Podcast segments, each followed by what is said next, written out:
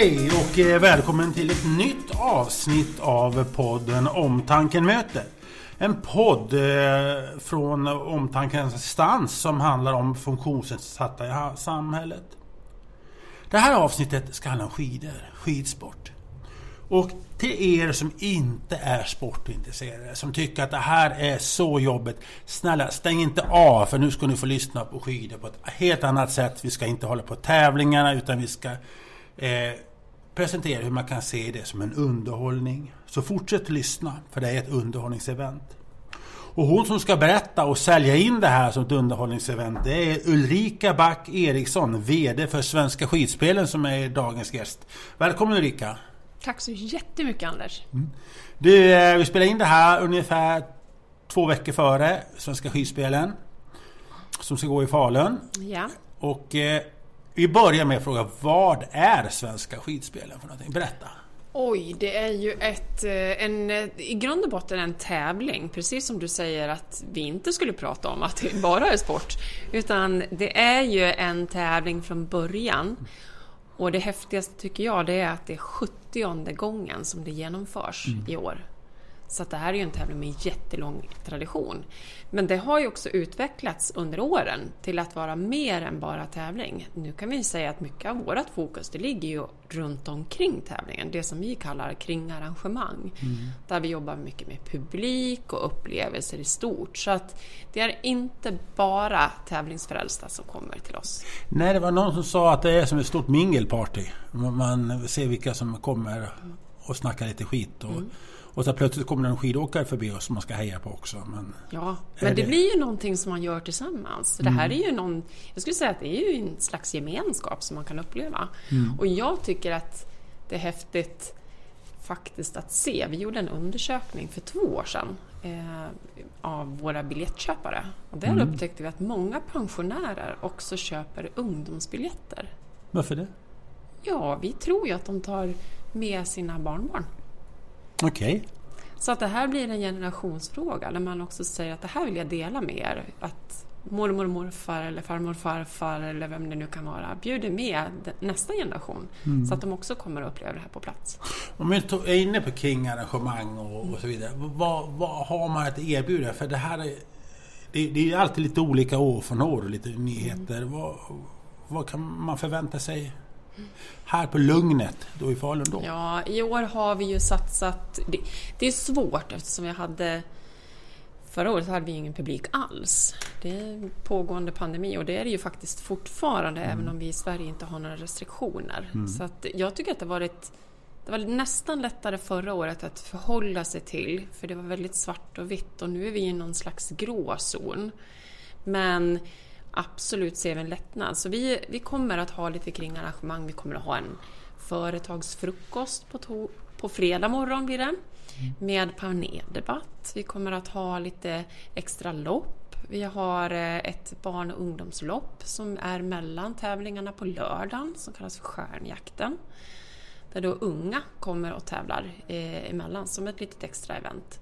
Det kommer att vara musik, vi kommer att jobba med våra storbildsskärmar som man kan se från två olika håll på stadion. Det händer massor här uppe. Är det, after, afterski? Afterski blir det på lördagen. Mm, mm. Ja, det får du inte glömma. Det. Nej, nej, nej, det får vi inte glömma. Det är en, bara det kan vara en anledning. Ja, jag ser mm. ett leende här. Ja. Men eh, det intressanta är ju lite så här att den här målgruppen, ni som lyssnar på den här podden, mm. är ju människor med olika former av funktionsnedsättningar. Finns det behåll, får de behållning av att komma upp och titta på det här? Finns det plats här? Det skulle jag verkligen hoppas att det finns och jag tror att det finns det. Eh, vi, vi är ju människor allihopa. Mm. Och vi tycker ju om när det blir lite extra roligt och det händer saker runt omkring oss. Mm. Så att absolut, det här finns någonting för alla. Eh, och vi har ju, det är bara att titta på våra besökare som kommer. Vi har ju allt ifrån äldre pensionärer till små barn. Och de små barnen är ju mm. kanske inte jättefokuserade på tävlingarna men mm. de hittar på annat kul på stadion. Mm. Men jag tror att stämningen och eh, att dras med i den stämning som är under tävlingsmomenten, det är det ingen som kan stå emot.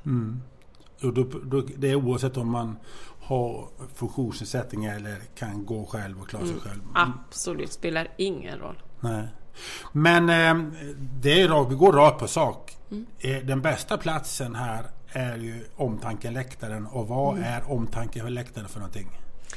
Det är ju en anpassad läktare som man når både till fots och till hjuls eh, på andra sidan stadion med utsikt ut över upploppet. När du säger andra sidan stadion, det är bäst att förtydliga att vi sitter, Åh, ja. ja, vi sitter alltså i kanslihuset och mitt emot är det huvudläktaren, mitt på andra sidan.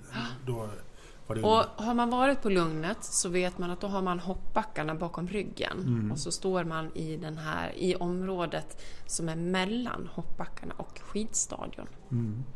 Så bra utsikt och eh, ser det ut som det gör just idag på stadion, då har man också väldigt skön sol på sig. man kommer med hög solfaktor. Japp. Men jag tänker lite så här att eh, när det var skid-VM här 2015 så indelades ju arenan i olika biljettzoner. Man fick betala lite mer eller mindre vart man stod. Om jag inte minns fel så var väl den läktaren där en omtankeläktare stod, den delen en av de dyraste platserna. Jag kommer inte ihåg vad de ligger prismässigt, men, det, var var en av de bästa. Det var ett A-läge. Var jag. Jajamän, Ja. det var det. Så att det är dit vi vill komma. Att, eh, är det inte, känns det inte riktigt, visst känns det bra när man kan erbjuda människor med funktionsnedsättning att ha den bästa platsen? Ja, bra och väldigt självklart. I min värld är det så. Jag är uppvuxen med funktionshinder i min absoluta närhet. Eh, ja. Och för mig så kommer det alltid ha en, en speciell plats i hjärtat. Så att det är så självklart att alla, oavsett vad man har för bakgrund eller för funktionshinder eller vad det nu kan handla om, så ska alla känna att det finns en plats här. Hur påverkar det dig som människa, liksom, att du har någon i din närhet med dig? Liksom, Hur har du haft, tänkt till? Som du kanske inte hade tänkt om du hade haft, inte haft den? Och det är ju jättesvårt att säga för att jag har ju haft min eh, morbror med Downs syndrom som eh, jag har vuxit upp med. Han har ju alltid funnits där. Nu är han ju tyvärr inte kvar längre. Men eh, Anders, som han också heter, Ja, det ser. Ja. Eh, han, det var ju så självklart och alla hans kompisar och alla som kom från dagcenter när han fyllde år eller vad det nu kan ha varit. Ehm, det var så otroligt självklart och det är ju min upplevelse, ja hur ska jag säga att jag har varit annorlunda? Jag vet ju inte hur jag hade varit utan honom så att det är ju jättesvårt för mig att säga vad som är skillnaden. Det är bara så självklart att alla ska ha en plats i samhället och kunna vara med. Och alla är inte lika. Alla är inte lika, tack och lov, skulle jag vilja säga. Vad tråkigt vi skulle ha om alla var lika. Men det är, tyvärr så finns det delar av samhället som inte ser det här och som tycker det här är jobbigt och den här biten. Men så känner inte du? Absolut inte, precis tvärtom. Ja. Jag har ju till och med jobbat inom särskilda omsorgen. Har det? Ja, Vad gjorde du då? Jag jobbar på gruppboende, jag Okej. jobbar på dagcenter, jag jobbar som personlig assistent. Du har gjort det ja? Jajamän. Ja. Och det är nog... Nu törs man ju inte säga det när jag sitter här i den här rollen, men jag skulle säga att det är ett av de absolut roligaste jobben jag har haft. På vilket sätt? Därför att jag upplever att... ehm, det, att man... Jag ska inte säga att man ger så lite. Men man, det man ger får man så enormt mycket mer tillbaka för. Så att... Och, och det sätter... Jag tycker att jag har ett annat perspektiv på livet och kanske ibland uppskattar saker mycket mer än man eh, vanligtvis kanske gör. Jag tar ingenting för givet. Eh, och eh, jag skulle gärna jobba med det igen någon gång. Hur gammal var du då? Jag var nog, nu måste jag tänka, jag var nog 18 när jag började. Och sen har jag varit på flera gruppboenden. Och jag har jobbat som assistent och det har varit både rörelsehinder och eh, eh, förståndshandikapp som jag har arbetat med. Eh, men jag tycker att det är... Alla borde göra det. Alla borde göra det. Varför skulle jag det? vilja säga. Jo, för det sätter, det sätter andra perspektiv på livet. Man förstår att eh, man, att sikta högt eller sikta långt fram eller vara väldigt... Det, det är inte allt här i livet. Nej. Utan det finns så mycket mer.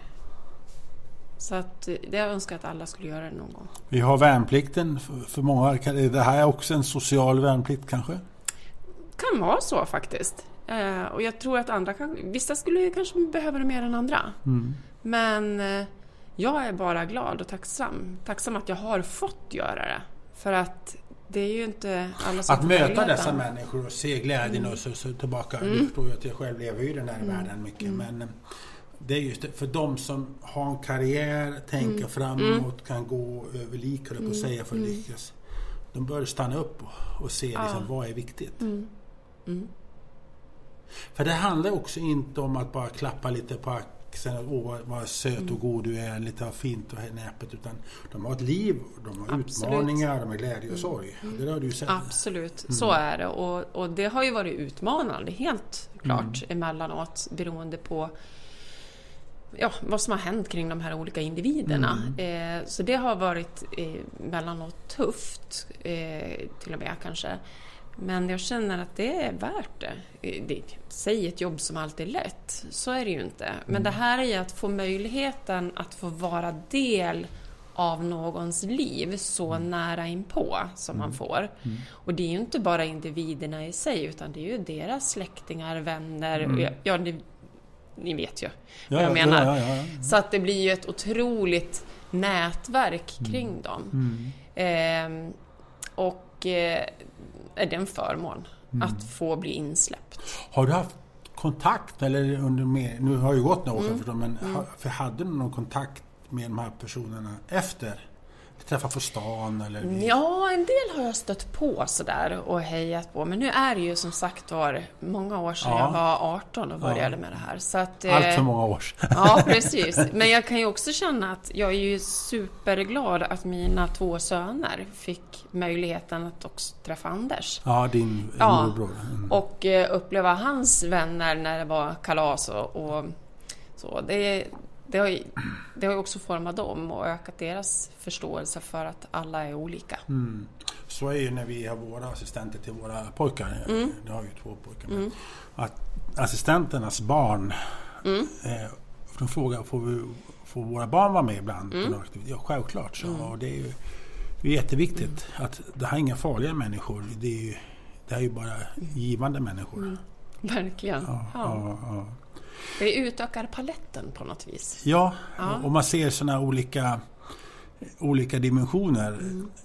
Eh, Nu eh, var en sån sak som hände häromdagen här att eh, min äldste son, vi har två pojkar Mm. som är förståndsnedsatta. Eh, Och eh, äldste sonen han fick nu covid Mm. och vi har lyckats hålla honom fram till vaccinationen och bara det att det har lyckats i alla fall. Mm. Så fick han covid. Men han var mest bekymrad över var är lillebror någonstans? Var är han någonstans? Är han sjuk? Frågar han. Nej, det är du som är sjuk, inte lillebror som är sjuk. Jaha, han förstod Ja. inte själv. Att Ja. han, mm. ja, det ger mycket dimensioner, att man Ja. tänker på andra. Och man får tänka om. Man får ju Mm. också ifrågasätta sig själv. Men är det jag som är trångsynt? Eller vad- är det jag som tänker fel i Mm. de här sakerna? Precis som du säger, är det han eller är det jag som är sjuk? Mm. Eh, och det utmanar ju Mm. att tänka annorlunda. Mm. Mm. Jag tänkte på så här, äh, när vi, när en del arrangörer, vissa har man stött Mm. på, ja, men ser det konstigt att ledsagare inte ska behöva betala entré till ett evenemang eller något liknande. Mm. Tycker du att det känns konstigt? Att de ska betala? Ja, att eller- inte ska. att Nej, liksom men jag det- tycker inte de ska betala. De Nej. är ju inte där, för Nej. de är ju där på arbetstid. Ja. Nej, Eh, ibland så har vi mött en... eh, ja. Mött, Jag förstår, för jag har ju varit i exakt samma situation. Och då men var du som är evenemangsarrangör Ja. liksom, och så vidare. Att man, Men eftersom jag har varit i, i den situationen Mm. där jag har gått med som ledsagare eller assistent eller vad det nu har varit just då. ehm, kan jag också ha tyckt att varför ska jag betala in för mig? Mm. Eller ännu värre, varför ska den som jag är där med behöva ta av sina pengar för att betala för mig. För så har det ju också varit då Mm. Men den som tiden. arrangör utav en evenemang Ja, så kan men- det bli lite sniket kanske ibland att man ska den verkligen... Ja, nej men jag tycker inte att man ska göra det utan ledsagaren är där för att göra ett jobb. Mm. Ett jobb som kanske arrangören annars skulle behöva Mm. ta. Eh, och det går ju inte. Utan det är ju, vi måste ju möjliggöra för Mm. de här personerna, allihopa att komma. Och det, nu har vi då en läktare Mm. som eh, står... Man kommer se över hela all, allihopa. Mm. Det är ganska, jag har förstått tidigare år att eh, det är en del som är lite avundsjuka. De skulle gärna vilja stå där uppe. Eller, har, Ja, har förstått den? den är ju plan, annars Ja. så har ju vi en stadion som lutar en Ja, hel del. ja. Och är det då lite snö, då blir det halt och besvärligt, kanske lite kallt. Mm. Men det är ju det som är tanken med det här. Och, men här kan man alltså lätt åka in med permobil eller eh, rullstol Mm. Ja. och ta sig ner och komma ut på läktaren och så är det plant och kan man titta ut. Har jag, Det är helt riktigt. det, så Så liksom, tar man med solglasögonen och solskyddsfaktor. Ja, Så blir det här bra. ja, så kan man vinka till publiken. Så Ja, och så ska man ta med flaggor, Okej. tycker jag. Så att man kan heja lite därifrån också. Ja, Mm. det är det. det, det. Får, man ha, får man ha megafoner och sånt där? Ja, det får man väl ha Ja. i, i rimliga Skramlor, mått kanske. skramlor och lite- Absolut. Ja, ja, ja. det tycker jag. Ja. Och eh, sen är det... Är, är det bra för er att ni känner liksom att nu, här, i det här fallet är det personal från omtanken Mm. som kommer att vara värdar och publik. Att man känner att man kan... Men det är till för alla funktionsnedsatta oavsett var man kommer från för assistansbolagen Mm. Ja, och så vidare. Absolut. Men känns det tryggt för er att veta att det är personer som kan branschen så att säga? Ja, och jag tror att det är viktigt och det är rättvist eh, också tycker jag för de som blir emottagna, Mm. som kommer. Att det är ändå personer som är vana vid att han, hantera Mm. de problem som kan uppstå. För det är ju ändå så att vi, vi är på en vinterarena. Det är Mm. snö på våran arena. Och det känner nog alla till som lyssnar på det här, att det är inte helt lätt att ta sig fram när Mm. Nej. det är snö på marken. Nej. Och blir det sen lite is och knöligt, ja men då behöver man vara flera som hjälps åt. Och då, för att den som sitter i en rullstol av något slag ska känna sig trygg, då måste man känna att det finns folk som vet vad de gör. För att det man är ganska utelämnad i en, i en Men det är ju väldigt hjul. betonat att här, är, här är alla funktionsnedsatta Mm. Ja. välkomna oavsett vilket assistansbolag man har Ja. eller om man har kommunal Ja. verksamhet eller så. Mm. Ut- Utan nu är det bara att vi har liksom personer som kan de här grejerna, Ja. omtanken. Men en, kom på att tänka toaletter för funktionsnedsatta. Ja, finns men vi, vi har en handikapptoalett uppe på vallen i närheten av det här området. Ja, Mm. så det är liksom, för det är ju en Ja. Utmaning i sig. Ja, det är en utmaning i sig. Verkligen. Ja. Bra. Men du, eh, du har gjort tre år. Det är tredje året du är eh, som VD för Svenska. Men Vem, vad har du för bakgrund innan du har varit personlig assistent? Oj, jag... Lite kort. Ja, vänta. Nu ska jag, jag får dra några sådana här mils, Ja. milestones. Ja. Eh, och det, jag, har, jag har jobbat med allt möjligt. Jag har jobbat extra under mina unga år. Dels som assistent, eh, jag har jobbat ute på krogen. Det är jättebra skola det också. Ja. Eh, sen jobbade jag faktiskt nästan tio år på SOS Alarm. Mhm. Där jag Satt och tog tog emot emot sina- samtal. Ja, Ja.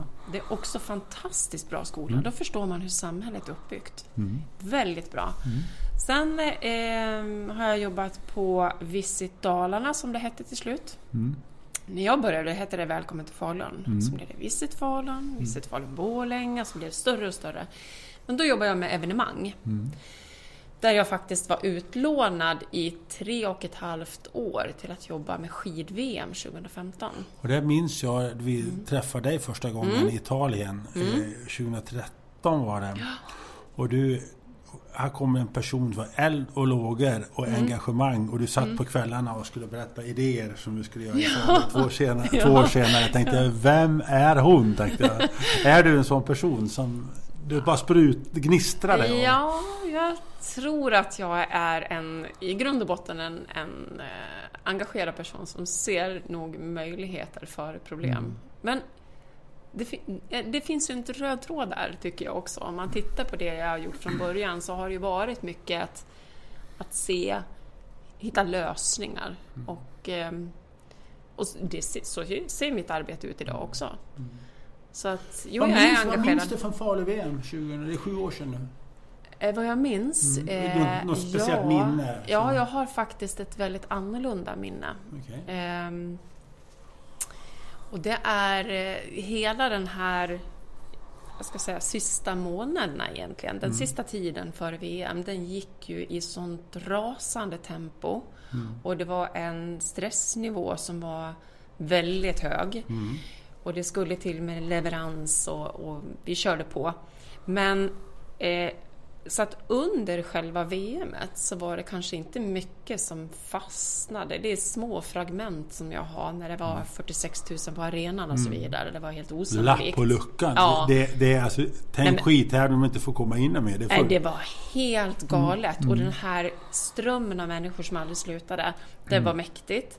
Men det som var mest starkast och mest påtagligast, det var söndag kväll efter att vi hade slagit igen. Aha, okej.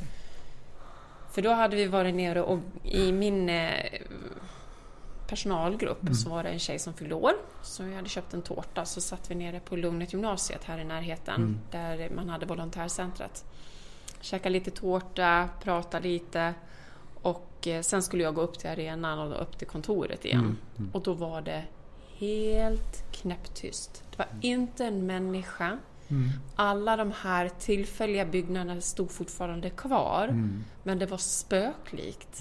Och det är mitt starkaste minne faktiskt. Av den här totala tystnaden efter en lång period av enormt sorl. Eh, det är det som jag Var det kommer ihåg vemod? mest. Vad sa du? Var det vemod? Nej, det var inte det. Utan jag vet att en del tyckte att det var jobbigt när det var över. Eh, och jag var nog mera så att jag tyckte att det var ganska skönt att så, nu, vi fixar det och vi gjorde det tillsammans. Ehm, jag kände inget vemod utan mera en, en liten lättnad över att men vi grejer det. Jag gick och köpte en massa eh, såna här muggar, kaffemuggar. För jag hade inte kommit på jag måste ha kaffemuggar härifrån som minne. så den här, när allting var över gick jag runt och letade efter kaffemuggar. Ja. Pappers eller sådana i keramik? Mm. Ja, jag fick Ja. tag i några stycken. Ja, du fick det? Ja, Ja. ja. ja visst, visst. Men det var liksom, man hade, hade inte haft tid. Och Nej. Man bara jobbade. Jaha. Nej, men man körde ju på i något sånt Och jag hade ju världens bästa Jag fick ju intervjua ju alla de här som kom förbi i Mixon. Ja. Men du, eh, sen gick tiden och så för tre år sedan blev du VD för Svenska skidspelen. Eh, ett av de stora evenemangen i Dalarna. Som Mm. my- mycket publik tar det, drar det ungefär 20 000. Ja, ja, 15 skulle jag säga. Att Ja, det var något år det var 20 000 ja, vi har också. haft, Där var det lite olika. Ja, 15 Eh, till 20 000. Ja, Ja. precis. Och, eh, men du har inte haft det lätt. Första året så var det snöbrist. Det fanns näst, de åkte nästan på gräset. Ja, inte riktigt. Nästan, men, men- ja, nej, jag- men det blev mycket Jag anpassningar det på minnen året. från Ja. 89, då åkte man ju på gräset. Jo tack, Ja, Den, det filmklippet såg vi ganska mycket då. Ja, ja. Men hur, vad tänkte du första året när... Oj. Ja, jag hade väl alla väderappar nedladdade på min telefon. Jag var till och med uppe på nätterna och tittade på termometern. För att egentligen så är det ju inte så att man idag behöver snö från ovan. Utan man behöver minusgrader för att få rätt snö på plats. Och eh, jag tänkte, vad har jag gett mig in på? Du tänkte så? Ja, det gjorde jag verkligen. Och det här är ju ingenting, du kan inte göra någonting. Och det var någon som sa till mig, och många journalister som hörde av sig och frågade ja, men hur tänker du, hur ska du göra? Ja, men jag, jag kan... Det, jag, mycket kan jag påverka, men jag kan inte påverka vädret. Jag får bara sitta här i, i det här och åka med och hoppas på det bästa. Och skapa möjligheterna, eller rättare sagt minska riskerna, för det är ju det det handlar om. Så Och att- kostnaderna? Ja, precis. Och det var tufft faktiskt som ny att gå ut och säga till hela organisationen med 500-600 funktionärer att vi, vi har inte råd med någonting extra i år. Vi får gå på minimum för att klara det här. Men vi har en otrolig organisation som förstår när man eh, framför ett sådant budskap att nu måste vi hålla ihop. Det blev ett skidspel. Mm. Och sen så går det ett år och så slår pandemin till, mm. ditt andra skidspel. Mm. Och då fick du inte ha någon publik. Och det är publiken du lever, peng, lever på. Ja. Det var ju så att efter första skidspelet, 2020 blir det då. Mm. mm. Eh, då arrangerade vi i februari. Och den 5 mars tror jag att det var, då slog man ju igen ja. allt. Mm. Och vi hade någon slags förhoppning om att, nej men till nästa år så är det ju lugnt. Det var ju precis efter ja. skivspelen stängde. Ja, ja. precis. Mm.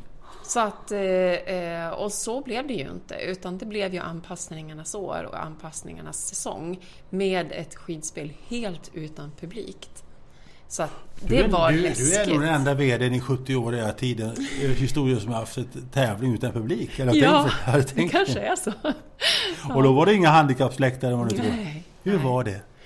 Det Vad förberedde var... sånt? Ja, men jag tyckte att vi vi mm. diskuterade lite grann under hösten och sen i november så sa jag att nej men nu kan vi inte vänta något mer för mm. vi skulle arrangera i januari då. Mm. Och då sa jag att nej, nu bestämmer vi. Vi, vi kör helt utan mm. publik. För det mm. var ju lite sådär ifrån Folkhälsomyndigheten att man sa att ah, men vi får ha 50, men 50 stycken. Det är inte ens värt att öppna upp för 50 nej. stycken. Eh, men sen slog man ju igen det också. Mm. Så att vi tog ju rätt beslut i november mm. att nu kör vi utan publik. Du var ganska tidigt ute och säga. Ja, mm. ja jag kände att... Och sen har ju min ambition hela tiden varit att eh, undvika den grå zonen. Det fanns ju en del arrangörer som ville vara lite kreativa inom andra mm. sporter eller event eller vad det nu är. Eh, och min, min förhållning i det här har hela tiden varit att inte hamna i gråzonen. Mm. Att eh, svart och vitt och det som inte känns bra i magen, det ska man inte heller ja, göra. Ja. Men det som var också signifikativt, det var vakter som fick hålla folk borta från ja. att komma in. Det, det var liksom en helt konstig situation var det. Och det var ju kanonväder. Ja, Kallt, stenhårt i spåren mm. och eh, sol. Mm. Men ingen publik och det var helt tyst. Mm. Det var det ja. mest absurda. Mm. Och man såg publiken, det stod människor som stod på håll och ja. kikade. Tänkte du då, vad, vad, är det här för någonting? Du får inte... Mm. Då tänkte jag så här att har jag klarat det här, då klarar jag vad som helst. Ja. Men ekonomin har ju gått ihop. Den har gått ihop. Mm. Mm. Men det ska jag säga så här, att det är tack vare att vi har våra lojala funktionärer. Annars hade det aldrig gått. Nej, nej, aldrig. Nej. Nu är det så här, nu, och det är ju verkligen inte ditt fel, men vi det här är dags i årets skidspel i en orolig värld. Mm. Vi, vi, vi mm. fasas ju alltid över, alla nu över Rysslands ingång mm. i Ukraina. Mm.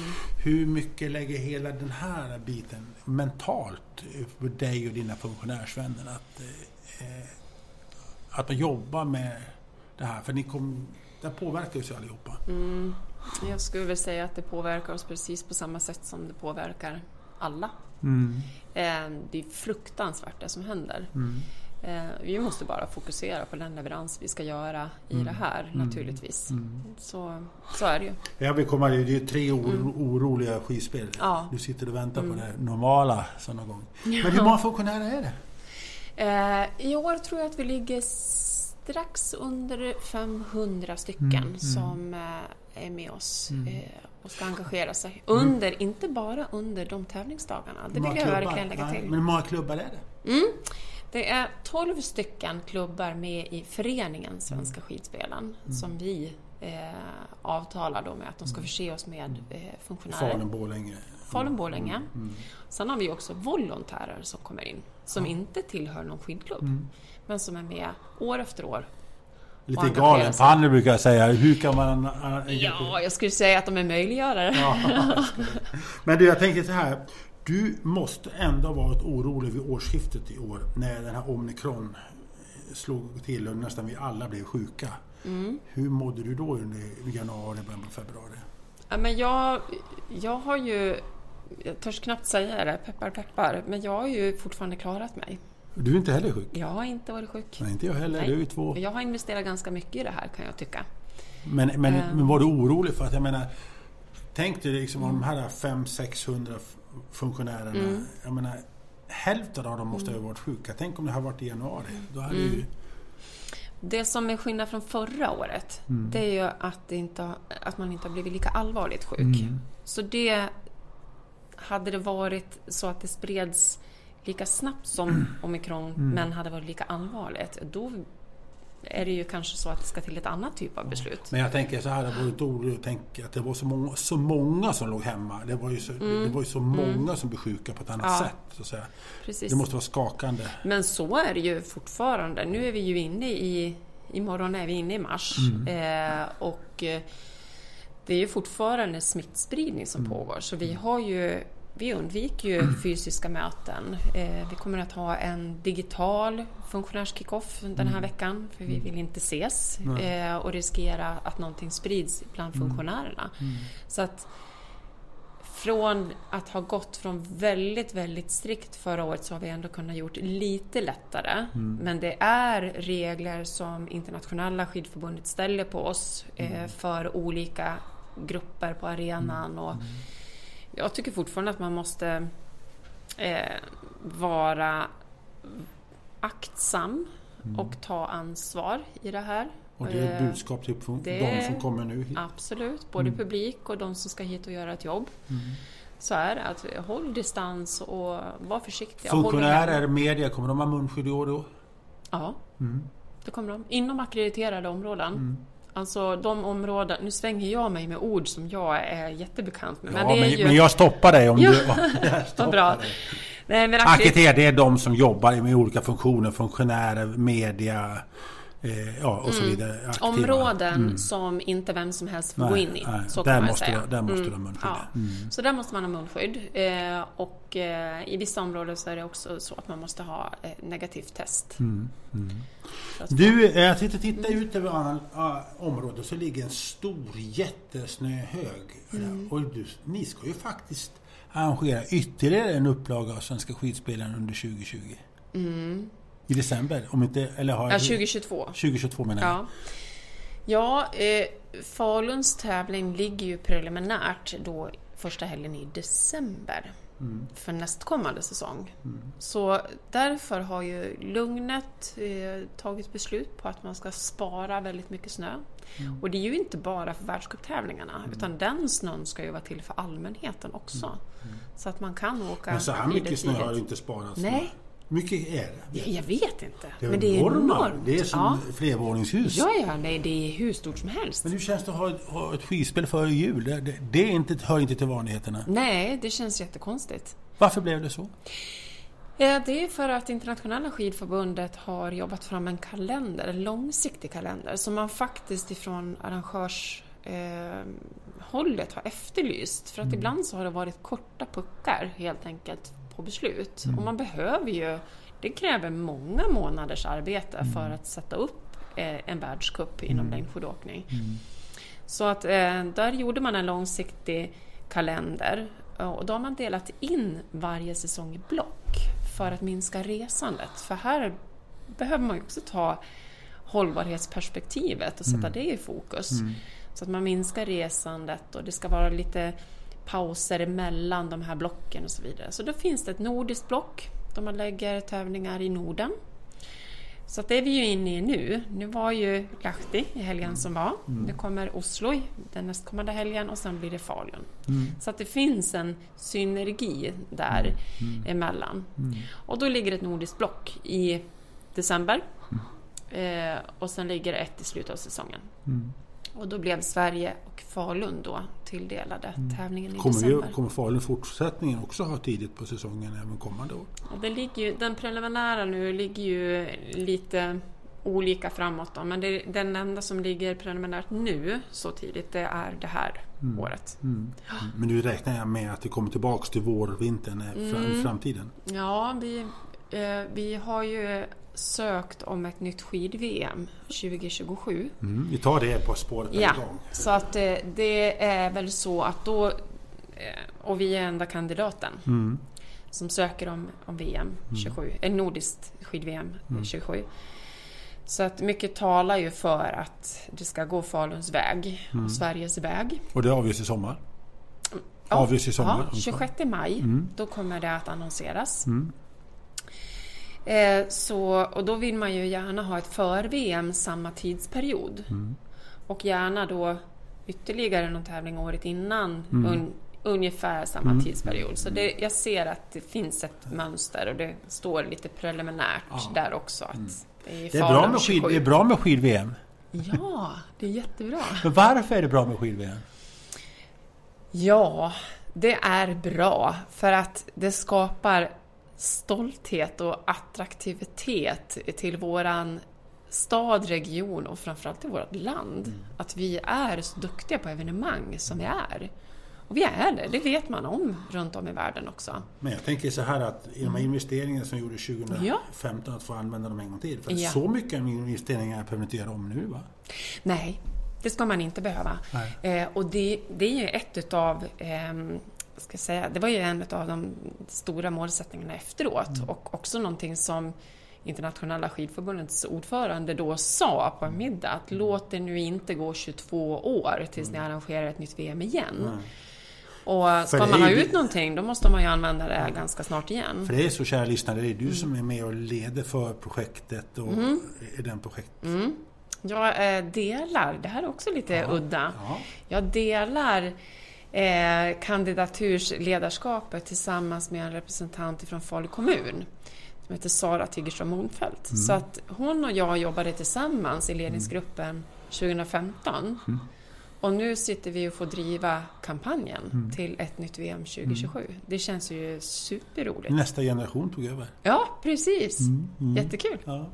Och det här betyder mycket för skidspelarna kan jag tänka mig. Att, Ja, det gör det ju. Och eh, eh, nu är jag ju lite partisk i det här, men nog är det väl så att skidspelarna och den organisationen med alla funktionärerna kommer att utgöra någon typ av hjärta i en organisation så blir för ett VM 27. Sen kommer det behövas många fler funktionärer.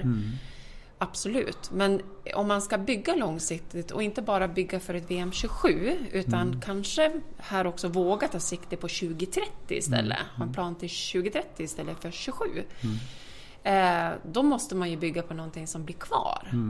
Och där finns det ju egentligen bara ett val och då är ju det Svenska Skidspelarnas organisation. 180 000 publik var det förra gången ungefär, under 184. Kan det bli över 200 000 nästa gång? Ja, och då får vi se om den publiken, om alla är på plats eller om man är publik på annat sätt. Ja, nu har- gjorde du en cliffhanger, vad tänker du då? Nej, men vi, vi tittar ju på hur, hur kommer det att funka 2027? Är du alltid på plats eller är det så att det ska finnas virtuella lösningar som gör att du kan lösa en biljett och uppleva VM på annat sätt? Jag sitter nere i Örebro och upp, uppleva. Ja, du kan sitta i Brasilien om du vill. Har det, det finns sådana tankar? Finns det så? Ja, men du, du har mött det Ja. naturligtvis. Nej, men En in- innovation. det, ja, men alltså det går ju så fort. Ja, det och det här ja, men- ser vi ju att men- vi men måste det, ju. Men Ulrika, det är väl inget roligt att sitta i, i, i Örebro eller Brasilien och titta. Man ska ju vara där och se. Ja, men det är ett komplement. Det är ett komplement. Kan man inte? Men kan man, har se på TV, det kan man väl se på TV då? Ja, men här kan du ju kanske styra själv vad du vill eh, göra och vad du vill se och kanske till och med vem du vill prata med.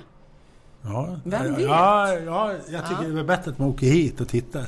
Det är klart att man ska vara här om man har möjlighet, men kan man inte, då är det här ett komplement. Men du, det börjar dra ihop sig. Men Mm. vi måste faktiskt tänka, det, det skrivs ju också skidhistoria Mm. i Falun om två veckor. Du vet vad jag pratar om? Ulrika, vad händer sista dagen på, på, eh, på skidspelen i år? Vad händer sista, vad är det för tävlingsgren? Ja, ja, ja, nu, nu! Ulrika. Det är så mycket nytt i år. Eh, ja, vi får mixed stafetter. Ja, det var det första gången Ah. i världscupen där Ah. damer och herrar tävlar Ah. tillsammans. Ah. Att det ska ta så lång tid för skidsporten att göra det. För det finns ju andra grenar. Ja. Och det här är ju inte första gången som Falun heller får förmånen att prova nya tävlingsformat. Så var det ju med skiathlon och vi Mm. var ju också drivande på eh, att utveckla fristilen. Det som man också kallar för skate. Mm. Men nu, men nu ska det alltså bli Ja. en traditionell stafett, Mm. dam, två damer och två herrar. Och en sprintstafett, Ja, en dam och herrar. ja. Samma dag. Samma dag. Det blir en intensiv dag, det där. Eh, superspännande. Jag skulle säga det att eh, ska man komma upp och se någonting annorlunda, då ska man nog komma på söndagen. För mig som en gammal gubbe som var med på 80-talet och innanför VM 93 så var ju då 80-talet det var den stora skidspelsgrejen. Och då var det ju alltid stafetterna på söndagen. Det var ju otroligt mycket folk. Och då var det alltid Eh, på lördagen åkte man tre mil eh, och herrar och 10 kilometer damer. Och så åkte man dam och herrstafetten på, på söndagen. Och så var det backhoppning sen samma, samma helg. Då. Men eh, och det här är kul att stafetterna kom tillbaks till Falun. Ja, jag tycker det. Och sen att vi får vara med och testa de här nya... Mm. ja, Den stafetten är ju inte ny i sig. Det är bara att man byter ut och har Damer, två. Mm. damer och, och två herrar. Men mixed team sprint, den kommer inte att vara exakt som en vanlig mixed team sprint. Utan man kommer göra det lite annorlunda. Som? Man kommer nog att... Eh, nu ska vi se. Eh, växlingarna framför allt är en utmaning. Och nu ska ju jag kanske inte uttala mig som en expert i det här för det har vi en tävlingsorganisation som är jätteduktiga på. Som sköter själva tävlingsmomenten. Men de kommer inte att växla via att eh, knacka varandra i ryggen fysiskt eller ta på varandra. Utan de kommer att göra en växling där man ska passera en linje parallellt, alltså Aha. bredvid innan nästa gäng startar. Varför Ungefär som man gör i rullskidor. Varför det? Jag vet inte. Är det fiss i det? Nej, det är det kanske inte bara. Eh, Jag säger det är nog eh, vårt tävlingsgäng som ska svara på den frågan, helt klart. Men det ställer en del eh, ut, ja, det ställer del krav på organisationen som ska göra det här, men även på tekniken att lösa det.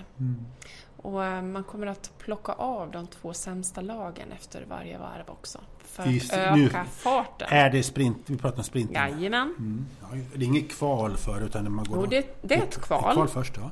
Ja, ifall det skulle vara fler än 20 lag, för det är bara 20 som får Ja. starta i finalen. Men annars så kommer kvalet också att eh, göra en eh, startordning. Eh, tar man med sig resultatet därifrån. Det här tar man med sig sen till eh, kommande mästerskap och ser som ett potentiellt... Det vet vi inte. Nej, men I det- år genomförs ja, de här tävlingarna ja. Mm. som så kallade testlopp. Fast det är fortfarande det är fortfarande så att de har prispengarna och det är ingen skillnad. Det är ju mer på officiella Åkarna, programmet åkarna kommer horn i pannan ändå. Så- Ja, precis. Men jag tycker att det, det här med att plocka av de två sämsta lagen för varje varv. Och ett varv, det är alltså då en dam och en herre som åker varsitt varv. Då är det ett varv. Det ökar ju farten och ställer lite krav så att det inte bara är en transportsträcka fram till sista sträckan. Så det kan bli lite mer spänning. Men utmaning tekniskt sett, helt klart. Men Ulrika, Mm. vi tittar på två stora fina hopptorn här. Mm. När ska skidspelen ingå? Backhoppning? Backkoppling Ja. på programmet på Ja, skidspelen. ja. Vi har ju faktiskt en duktig backhopperska också. Ja. I helgen tog hon två Ja, fjärdeplatser. vilken är hon nu då? Vi måste... eh, Frida Westman. ja. Mm. Men när får vi se henne tävla här? Och Ja, tävling, hon var här och tävlade i Damernas november. världscup och eller, Ja. under, gör backhoppning under Mm. skidspelen. Är det så svårt? Alltså, Ja, svårt är ju en, ett tävlingsmoment som måste göras som kräver en viss kompetens. Mm. Och det är ju ingenting som man bara trollar fram hur som helst. Mm. Utan eh, i november så är genomfördes Mm. FIS-cup här. Och då var Frida här och tävlade. Hon var inte helt nöjd ska jag säga med sina resultat. Men hon var här och tävlade och det här är någonting som man måste bygga långsiktigt. Det är ingenting som man gör Mm. Det är lite provocerande att vi har toner men de används Mm. inte när det är skidspel. Ja, eller andra helger. Ja. Världskuppen eh, på längd är ju så himla stort Mm. just nu. Så att skulle man ta hit en världscup i backhoppning då, då lär man ta i från Ja, tårna. men det kan ju andra backhoppningsstäder, det kan ju Ja, fiskcup och lite. Ja. Jobbar vi skidförbundet med det här nu då? Att få igång, Ja. eller väntar man in VM? Får man ett VM då? Ja. Eller vi säger så här, inte om. När- när, när vi vi får ett VM. VM, Ja. då måste det läggas en plan på hur man långsiktigt Mm. lägger upp en ny organisation som klarar av att eh, göra de här tävlingarna. Och sen har ju FIS har ju ett, eh, ett system som egentligen handlar om att man gör tävlingar på olika nivåer. Mm. Så först är det FIS Cup och sen är det Continental Cup och sen är det Världscup. Och det är de stegen man behöver jobba med i sådana fall. För att skapa en hållbar organisation. Sista frågan. OS har precis avslutats. Ja. Du har sett tävlingen förstår jag. Vad betyder OS att, för det här arrange- arrangemanget? Att man kommer hit bara några veckor efter OS-tävlingarna. Vilket dragplåster har ni haft? Ser ni det? Ja, alltså eh, OS har alltid, innebär alltid dragplåster när vi får arrangera världscuptävlingar efteråt. Eh, och med de framgångar som man hade och, och Svenska skidförbundet hade ju enorma framgångar som förbund i flera olika grenar. Det känns ju jätteroligt och sen att få välkomna dem och få möjlighet som publik att se de här åkarna på plats. Det är ju häftigt. Och att se att de får luft. Det fick de inte i Peking. Nej. Det var så hög, Här det var så vi- hög höjd nu lyssnade Ja. så att det var, de fick alldeles svårt att andas en del. Ja, och, eh, och verkligen, det är svårt att förstå tycker jag när man sitter i TV-soffan. Eh, och svårt att förstå hur fort det går, hur fantastiskt duktiga de här är. Jag har ju förmånen att sitta här med utsikt ut över stadion där många eh, utav våra elitåkare faktiskt tränar till vardags. Och vilken skillnad det är eh, i fart. Och ser dem på nära håll svischa förbi, då förstår man att det här krävs många års investering av tid och träning. Och du pratar se på nära. Det kan alltså de funktionsnedsatta på läktaren, Mm. Ja, ja, omtankeläktaren, de kommer kunna se det för nära. Absolut, Och det här blir en fin helg då att kunna se det. Mm. verkligen. Ska vi avsluta med de orden?